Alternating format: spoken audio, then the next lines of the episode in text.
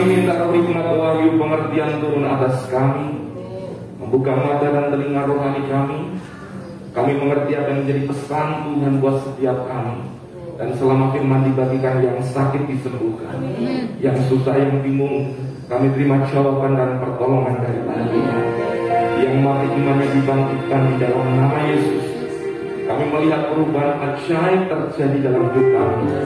Sesuatu yang luar biasa mengubahkan manusia rohani kami Hidup kami berkati Tuhan Hidup kami semakin berkenan kepada Tuhan. Dan kami melihat perubahan ajaib terjadi dalam hidup kami Demi nama Yesus Kami berdoa Dan kami siap terima firman. Mari yang percaya dengan iman. Sama-sama kita berkata Amin. Ayo kita sorak-sorak kemuliaan bagi kita. Silakan duduk Bapak Ibu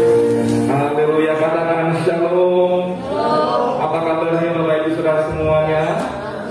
Yang kabarnya sungguh amat baik katakan haleluya. Ayo angkat tangannya sama-sama katakan haleluya. Yang kabarnya sungguh amat baik katakan dahsyat dahsyat dahsyat. Haleluya puji nama Tuhan. Bapak Ibu siap untuk mengalami sesuatu yang dahsyat dari Tuhan.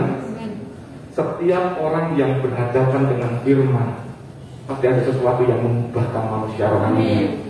Dan saya sadar seperti ini Saat kita berhadapan dengan firman Saat kita berjumpa dengan firman Saat kita mengalami firman Ada sesuatu yang berubah di sana. Dan ketika kita merespon benar Ada sesuatu yang dahsyat Atmosfer kita berubah Hati kita berubah Hidup kita pun diubahkan Tuhan. Amin. Bapak Ibu dengan orang yang menyala siap untuk menerima firman Tuhan Yang katakan katakan amin. Ayo ngomong yes yes yes Yes, yes, yes. Oke, haleluya. Mari buka firman Tuhan di dalam Yohanes 6 ayat 66. Kita akan belajar satu tema besar. Ke mana saya akan pergi? Kepada siapa engkau akan pergi? Itu yang akan menentukan bagaimana hidup kita. Saya mulai dari Yohanes 6 ayat 66. Perhatikan firman Tuhan ini.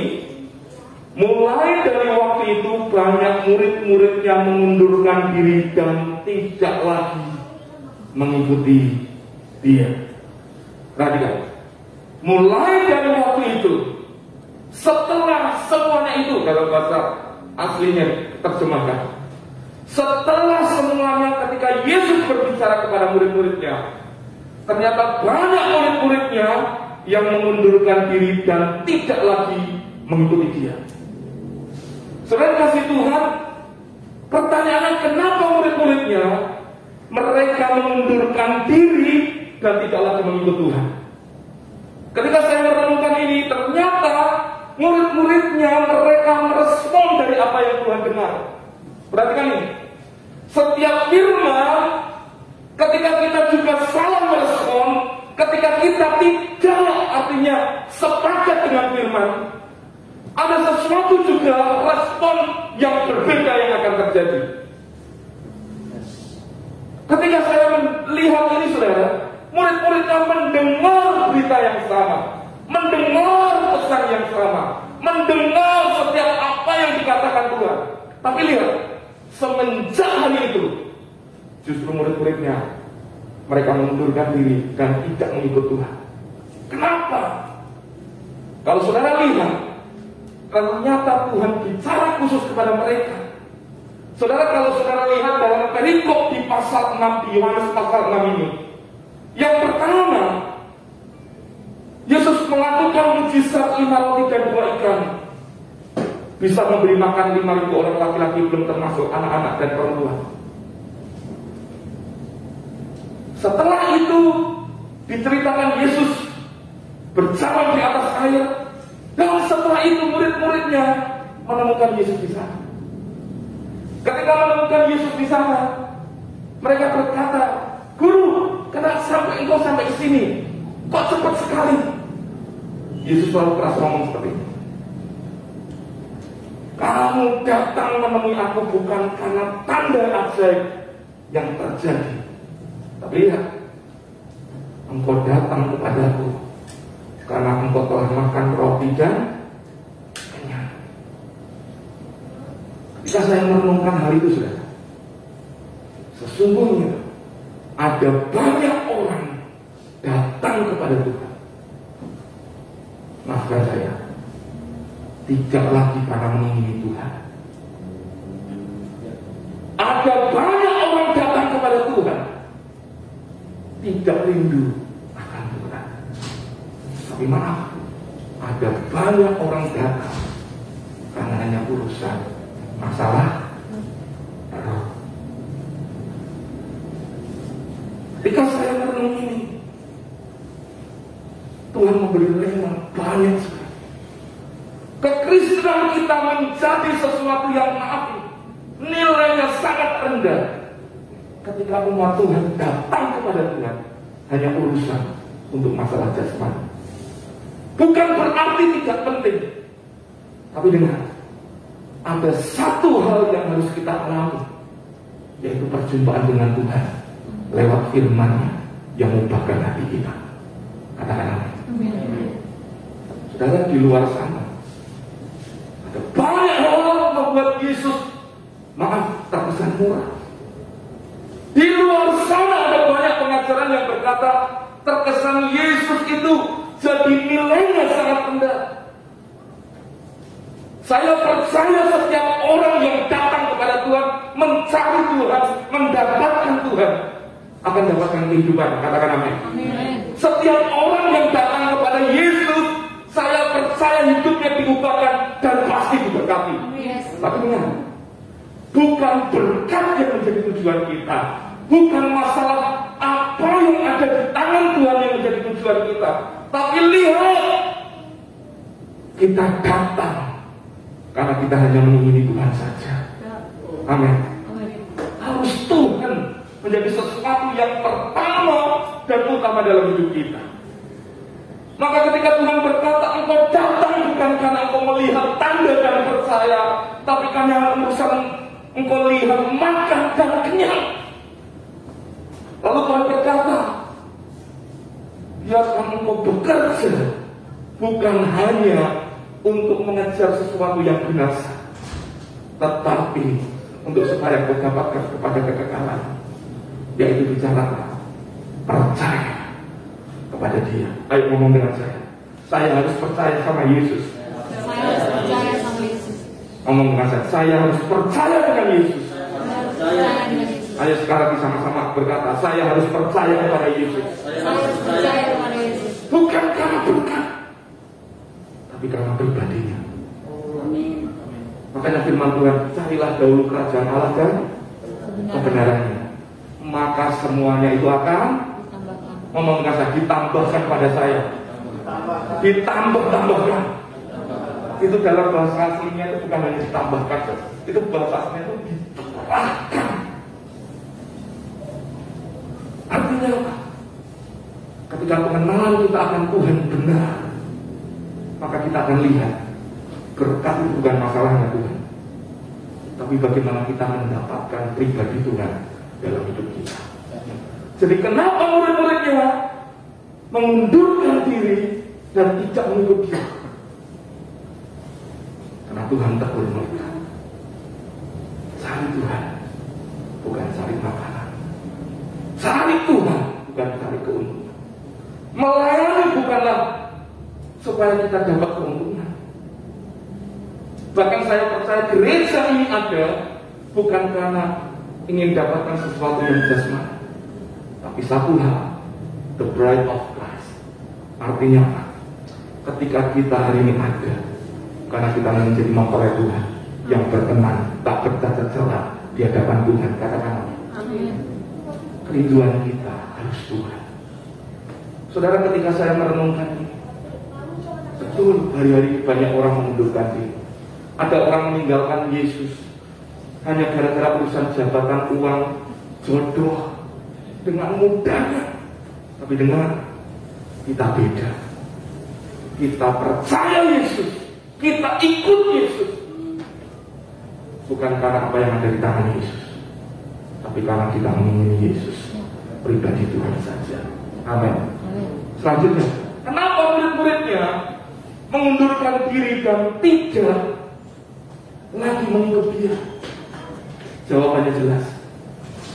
Mereka merespon dengan bersungut-sungut ketika Tuhan berkata, Barang siapa yang tidak makan tubuhku dan minum darahku di dalam Yohanes 6 ayat 53, saudara bisa buka.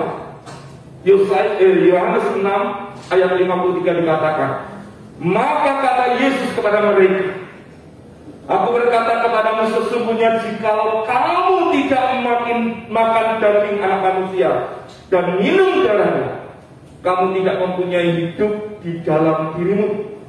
Barang siapa makan dagingmu dan minum darahmu, ia mempunyai hidup yang kekal dan aku akan membangkitkan dia pada akhir zaman. Sebab dagingku adalah benar-benar makanan dan darahku adalah benar-benar minuman. Ayat 56.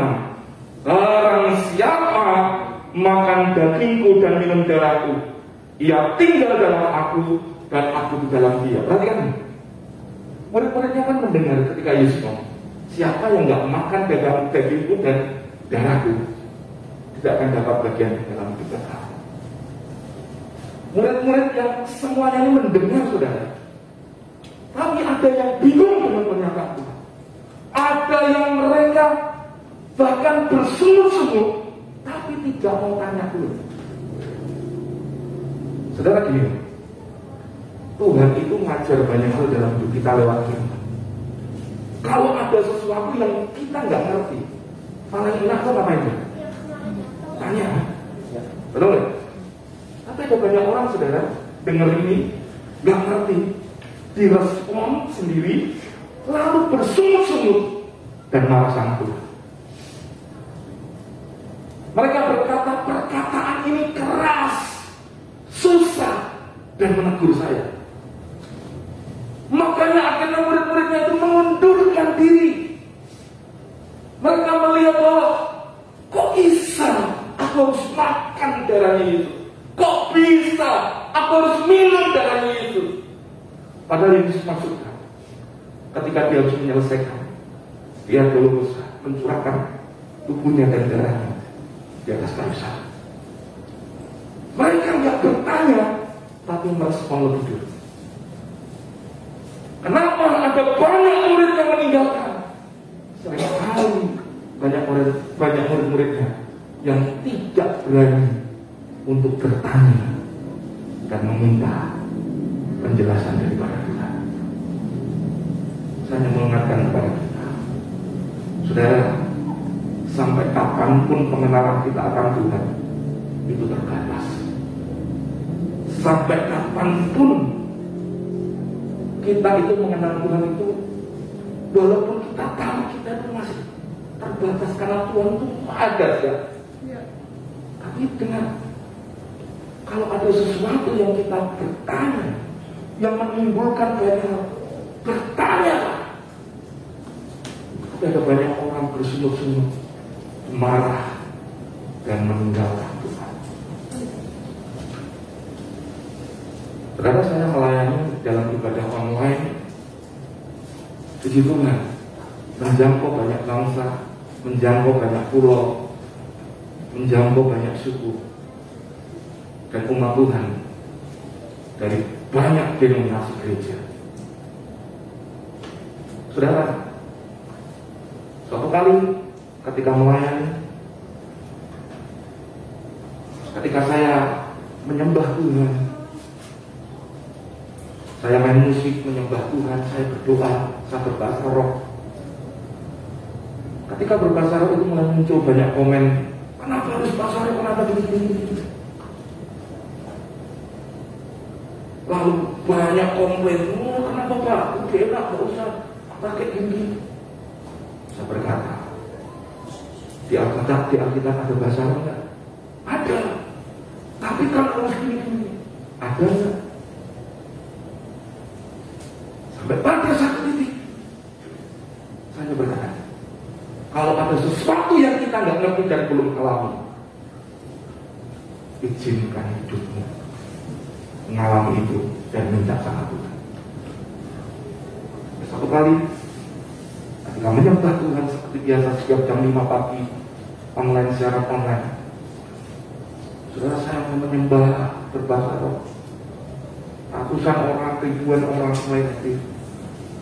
Ketika saudara masuk ke gereja-gereja yang saya tahu mereka bukan dari aliran karisma. Saya lihat saudara ketika menyembah bahasa roh, saya tahu ada kuasa Tuhan. Tuhan mulai bicara sesuatu. Sampaikan. Murahkan Tuhan atas. Menyembah urapan Tuhan turun. Saya nggak lihat. Tapi saya di atmosfer rohani, saya tahu Tuhan sedang bergerak. Tapi kesaksiannya terjadi adalah orang-orang yang ada di Manado, di Malaysia, ada di Amerika, ada di mana sudah. Ketika sama menyembah, sesuatu dideklarasikan, ada sesuatu yang menjamah. Ada orang yang mengalami lawatan, ada yang tabah, ada yang gitu. Tidak ada satupun yang tumpang di tangan. Saya yang berkata ini. Kalau engkau ingin mengalami Tuhan, tanya dan minta. Itu akan mengubahkan banyak hal di dalam hidup.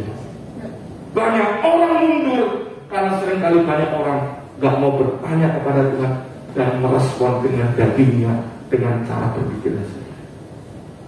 Ketika saya lihat itu, Tuhan mulai bergerak, nyatakan kuasa, lepaskan kuasa Tuhan, perkatakan kuasa Tuhan. Saya ikutin apa yang jadi dorongan Roh Kudus. Bergerak sama.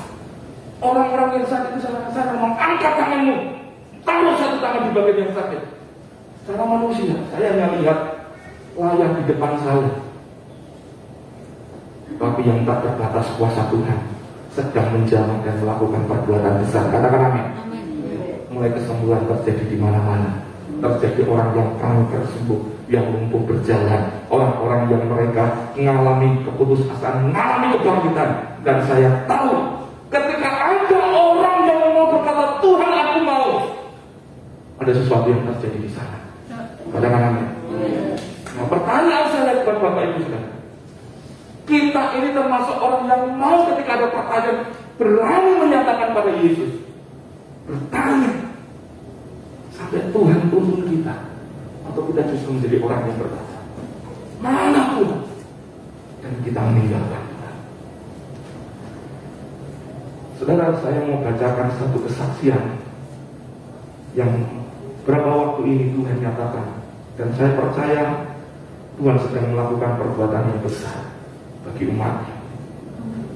Kesaksian ini disampaikan oleh seorang yang ada di saudara ada di Jakarta, saya ada di Surabaya. Dalam ibadah itu saudara, selalu saya berkata, Tuhan sedang bergerak, Tuhan sedang memberkati, Tuhan sedang melakukan perbuatan besar. Ibu ini 23 Oktober dia di scan secara keseluruhan di abdomen, scanning perut, hasilnya ditemukan lesi vokal tumor di livernya. Ukuran 4,4 kali 4,1 kali 6,7 dokter menyarankan periksa darah penanda tumor liver yang akhirnya dikatakan ada cancer di sana. 1 November. Jadi ini dia sakit saya nggak tahu. Cuma dia siaran ketika saya siaran dia ada di sana. Dia nyembah Tuhan. Dia hanya berkata Tuhan.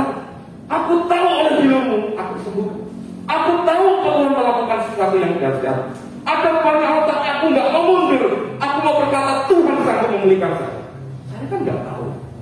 Satu Novembernya hasil lab untuk AFP 8366 sedangkan normalnya manusia itu tidak lebih dari 10 kalau dia 8366 dokter berkata jumlah sebesar itu dokter langsung memponis ini kanker ganas hepatoselular karsinom istilah ini saya nggak ngerti. Ini kejadian ketika dia mengalami kondisi sakit dia ikut ibadah dia punya banyak pertanyaan kan orang kalau sakit selalu bertanya dulu kenapa aku Tuhan apalagi ketika dia ngomong ini cancer itu orang yang dari semangat langsung kejam. Tapi apa sesuatu yang terjadi dia mengatakan kepada Tuhan. Dia nggak memundur dia berkata Tuhan, aku mau Tuhan, aku mau sampai yang mana kesembuhan, kesehatan ilahi menjadi bagian dalam hidupnya. Hasil 1 November hasilnya 8.306 kamu cancer ganas tanggal 25 November dia tetap setia ibadah Hasil PET scan saya Tuhan memberi mujizat. Di mana kalau awalnya ada lesi vokal saudara, tiba-tiba pas tanggal 25 November disiskan di livernya tidak ada lagi cancer ganas. Tuhan menyembuhkan total. Pertanyaan saya yang salah alatnya atau dokternya? Yang periksa lima dokter spesialis, satu dokter umum. Ada di lima rumah sakit berbeda. Ketika saya mendengar kesaksian ini, lalu dia menuliskan di hasil scannya itu, tidak tampak adanya sebuah tumor atau cancer di sana. Dia sampaikan ini. Lalu saya tanya, apa yang membuat engkau mengalami kuasa Tuhan? Jawabannya sederhana. Ketika semua orang mempertanyakan Tuhan menyembuhkan atau tidak, saya memilih untuk maju dengan iman saya dan berkata, kesembuhan, kesehatan ilahi adalah milik saya. Orang kalau cancer ya, itu biasanya drop semangatnya. Dia itu apalagi kalau sudah jalani banyak hal, biasanya orang itu sudah terbayang-bayang yang namanya kematian. Tapi ketika dia dengar firman, dia merespon, bukan lagi dengan pikirannya sendiri, tapi dia merespon dan berkata, Tuhan, aku tahu engkau lah Jehovah Rafa, engkau lah Tuhan yang menyembuhkan. Ada banyak hal yang aku tidak tahu, tapi satu hal yang aku tahu, Tuhan menyembuhkan saya. Apa yang terjadi? Keberaniannya dia untuk menghadapkan itu pada Tuhan, membuat mujizat itu terjadi dari 8.366 hasil Tuhan letakkan itu menjadi tidak ada tumor. Katakan amin. Ada yang sama ini. Saya nggak tahu mungkin Bapak Ibu sedang punya pertanyaan apa sama Tuhan. Tapi satu hal yang saya berkata hari ini, Tuhan ingin Bapak Ibu maju dan hadapkan itu kepada Tuhan. Katakan amin. Amin. Makanya coba dibuka di ayat 67 sampai 69. Haleluya. Yohanes 6 ayat 67. Haleluya. Ayo baca sama-sama. Dua, tiga. Maka kata Yesus kepada kedua belas muridnya, Apakah kamu tidak mau pergi juga? Ketika muridnya banyak meninggalkannya, Yesus pun bertanya kepada yang dua belas ini yang masih sisa, kamu tidak pergi juga? Pertanyaan ini sebenarnya pertanyaan untuk uji juga. Kamu tidak pergi juga. Tapi lihat ayat 68 Ayat 68 yang yuk baca sama-sama Jawab Simon kepadanya Tuhan kepada siapakah kami akan pergi Perkataanmu adalah perkataan hidup yang kekal Katakan amin Saudara perhatikan ini Apa yang dikatakan Petrus Simon inilah yang harusnya Menjadi bagian yang kita hadapkan juga kepada Tuhan hari ini kepada siapa Tuhan kalau bukan kepada Tuhan aku berharap? Kepada siapa Tuhan kalau aku hari ini mengalami kondisi kalau aku nggak berharap hanya kepada Tuhan? Amin. Mungkin ada di antara aku sedang berkata, Tuhan aku tahu hari ini mungkin aku terpuruk. Tuhan mungkin ada orang nggak tahu ada banyak hal pergumulan dalam hidupku. Lalu sepertinya pertanyaan kamu nggak pergi juga ketika kau belum lihat jawaban Tuhan. Harusnya kita pun bertanya dan menjawab seperti Simon menjawab berkata, Tuhan, kalau bukan Tuhan yang tolong saya, gak ada satu pun yang bisa tolong saya. Maka saya tidak akan pergi daripada Tuhan dan aku lebih memilih untuk percaya perkataan Tuhan. Amin. Ketika saya merenungkan ini, saudara, ada banyak orang di luar sana memilih untuk meninggalkan keluar dari hati-hati, keluar dari persekutuannya. Tapi kita memilih seperti Simon berkata, Tuhan, ke mana aku pergi? Kepada siapa aku pergi? Kalau bukan kepada Engkau. Saudara, Simon di dalam terjemahan Amplified Bible berkata Lord to whom shall we go? Kepada siapa aku berkata? You alone have the word of eternal life. Hanya engkau saja yang punya yang namanya perkataan hidup yang kekal. Dalam kurung dalam Amplified Bible dikatakan, You are our only hope. Hanya engkau satu-satunya pengharapan. Katakan amin. Katakan dengan saya, hanya engkau lah Tuhan Satu-satunya. pengharapan. Saudara, hari-hari seperti ini, uang tidak bisa nyelamatkan, kekayaan bisa hilang dan tidak bisa menyelamatkan, jabatan tidak bisa menjamin seseorang. Hanya Tuhan lewat firman-Nya satu-satunya perkataan yang hidup. Katakan. Hanya Tuhanlah satu-satunya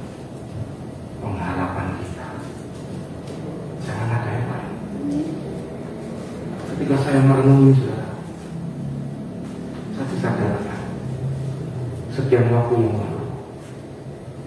Ketika saya memulai pelayanan di Surabaya, tidak ada jiwa-jiwa. Saya keluar dari sebuah pelayanan, pada satu titik semua tidak ada satupun yang kenal saya.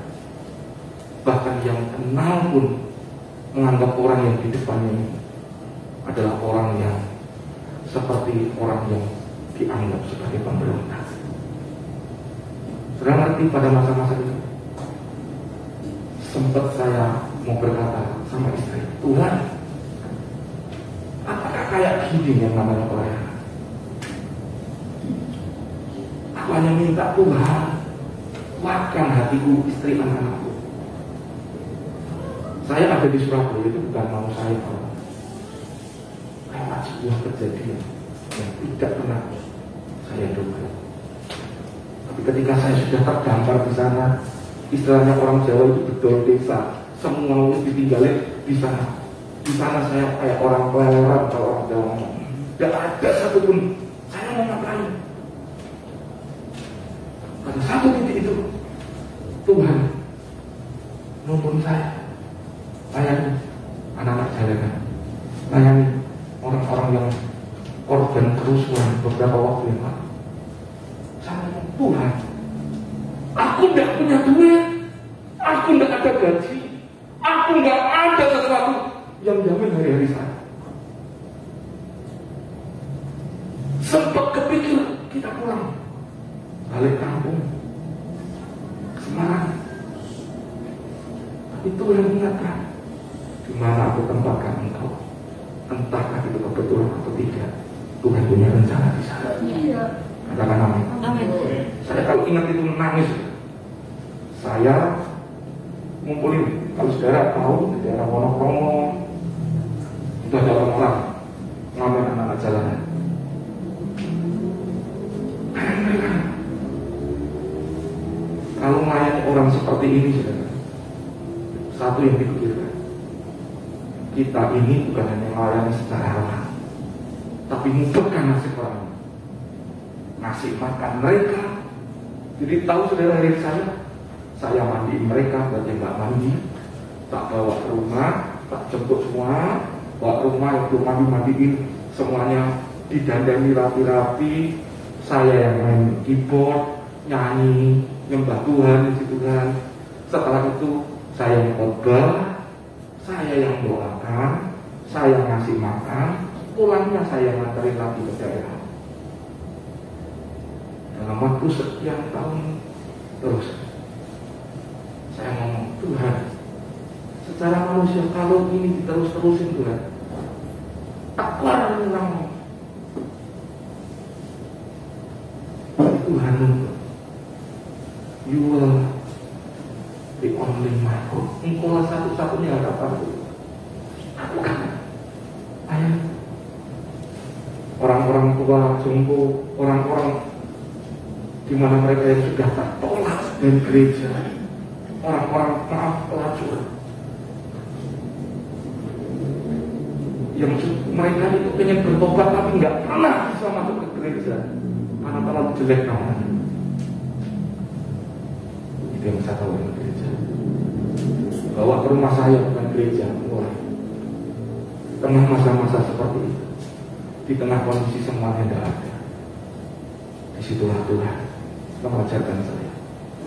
Kalau bukan Tuhan harapan nggak ada yang lain. Iya. buktinya sampai detik ini Tuhan bisa memberkati dari yang tidak ada sampai Tuhan memberkati dengan jiwa-jiwa. Katakan amin.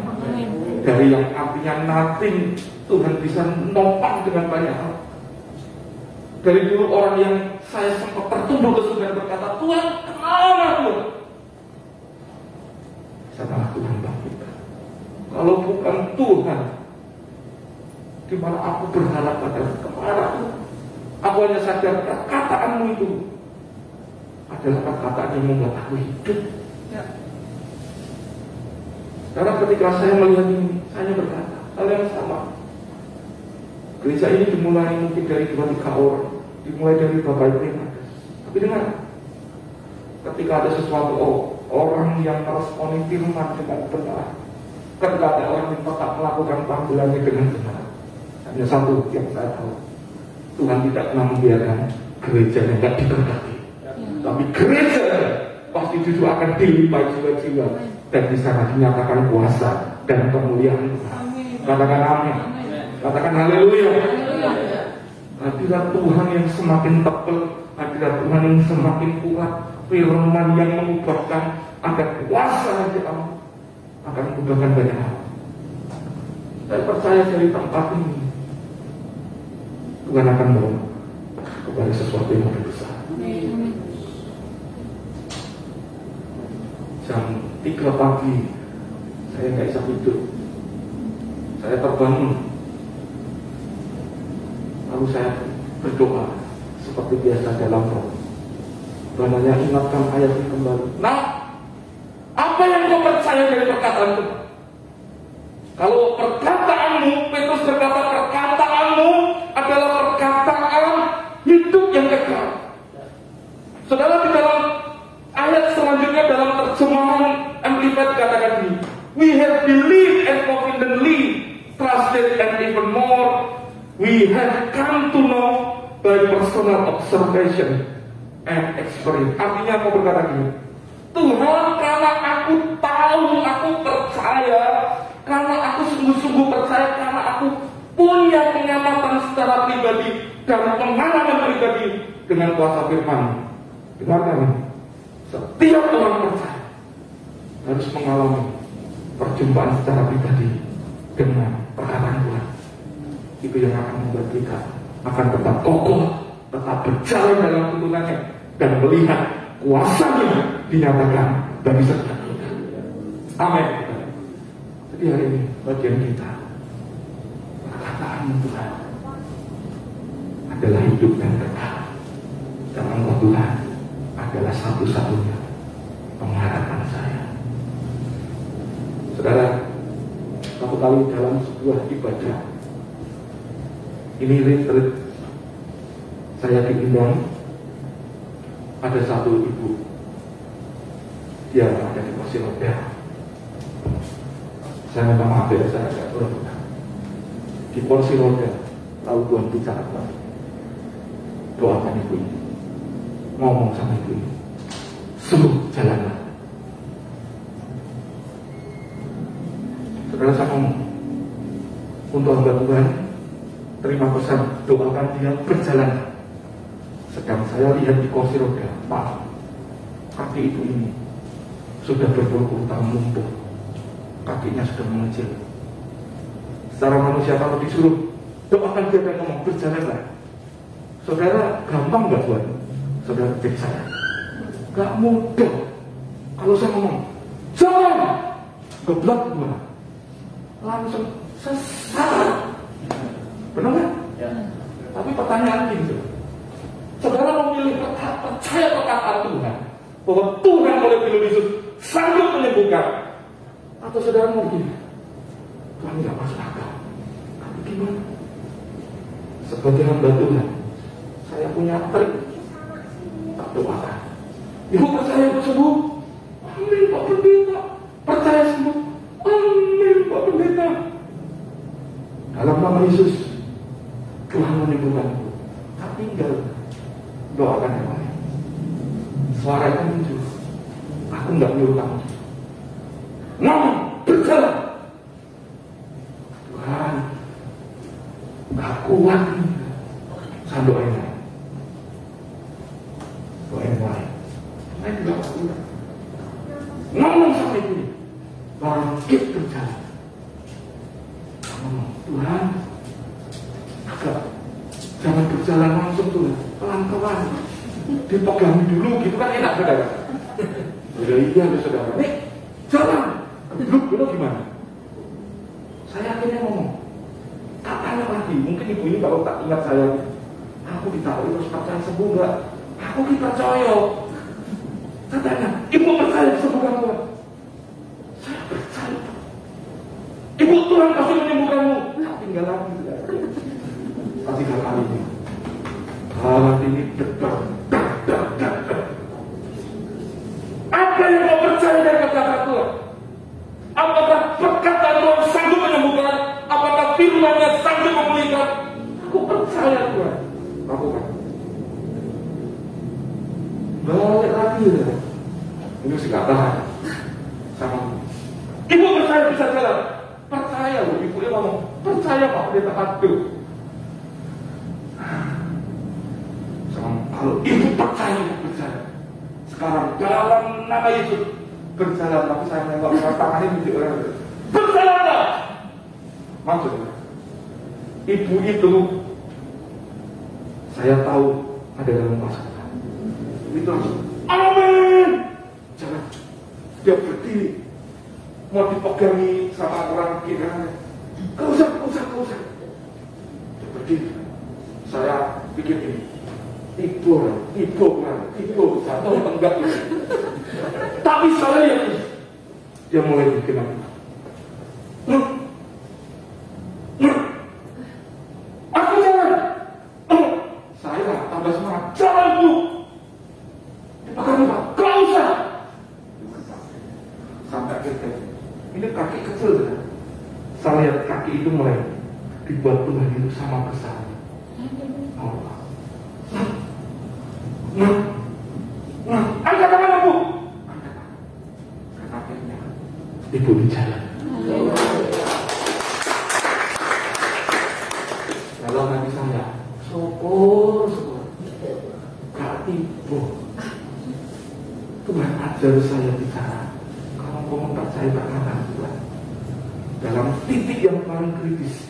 yang mungkin manusia nggak bisa tahu kita.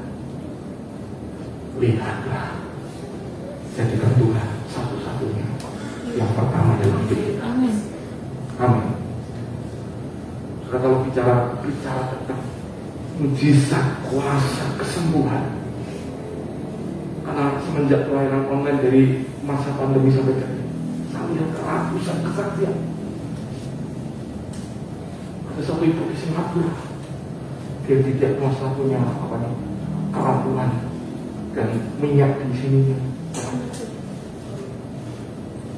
Ketika sampaikan firman Tuhan dia hanya berkata firman Tuhan oleh bilu-bilu Yesus aku disembuhkan perkataan firman Tuhan di Mazmur tadi yang dikatakan bahwa aku tidak akan mati tapi akan hidup. Dan menceritakan perbuatan Tuhan. Itu dideklarasikan dan ketika sama-sama dideklarasikan saya nggak tahu mulai dari mana tapi ini berkata saya kan nggak tahu dia di Singapura sana dia berkata Tuhan aku nggak mau diganti tempurungku ini. Aku nggak mau pulang-pulang profesi membuat aku sampai nggak bisa makan Aku mau sembuh dan aku mau hidup. Dalam sarana di depan Tuhan aku percaya itu kaki Tuhan sama dia itu. Diuyel-uyel sama ngomong aku tidak akan mati. Akan menceritakan apa gak diganti tempurungku sama apa buatan manusia? Hidup semua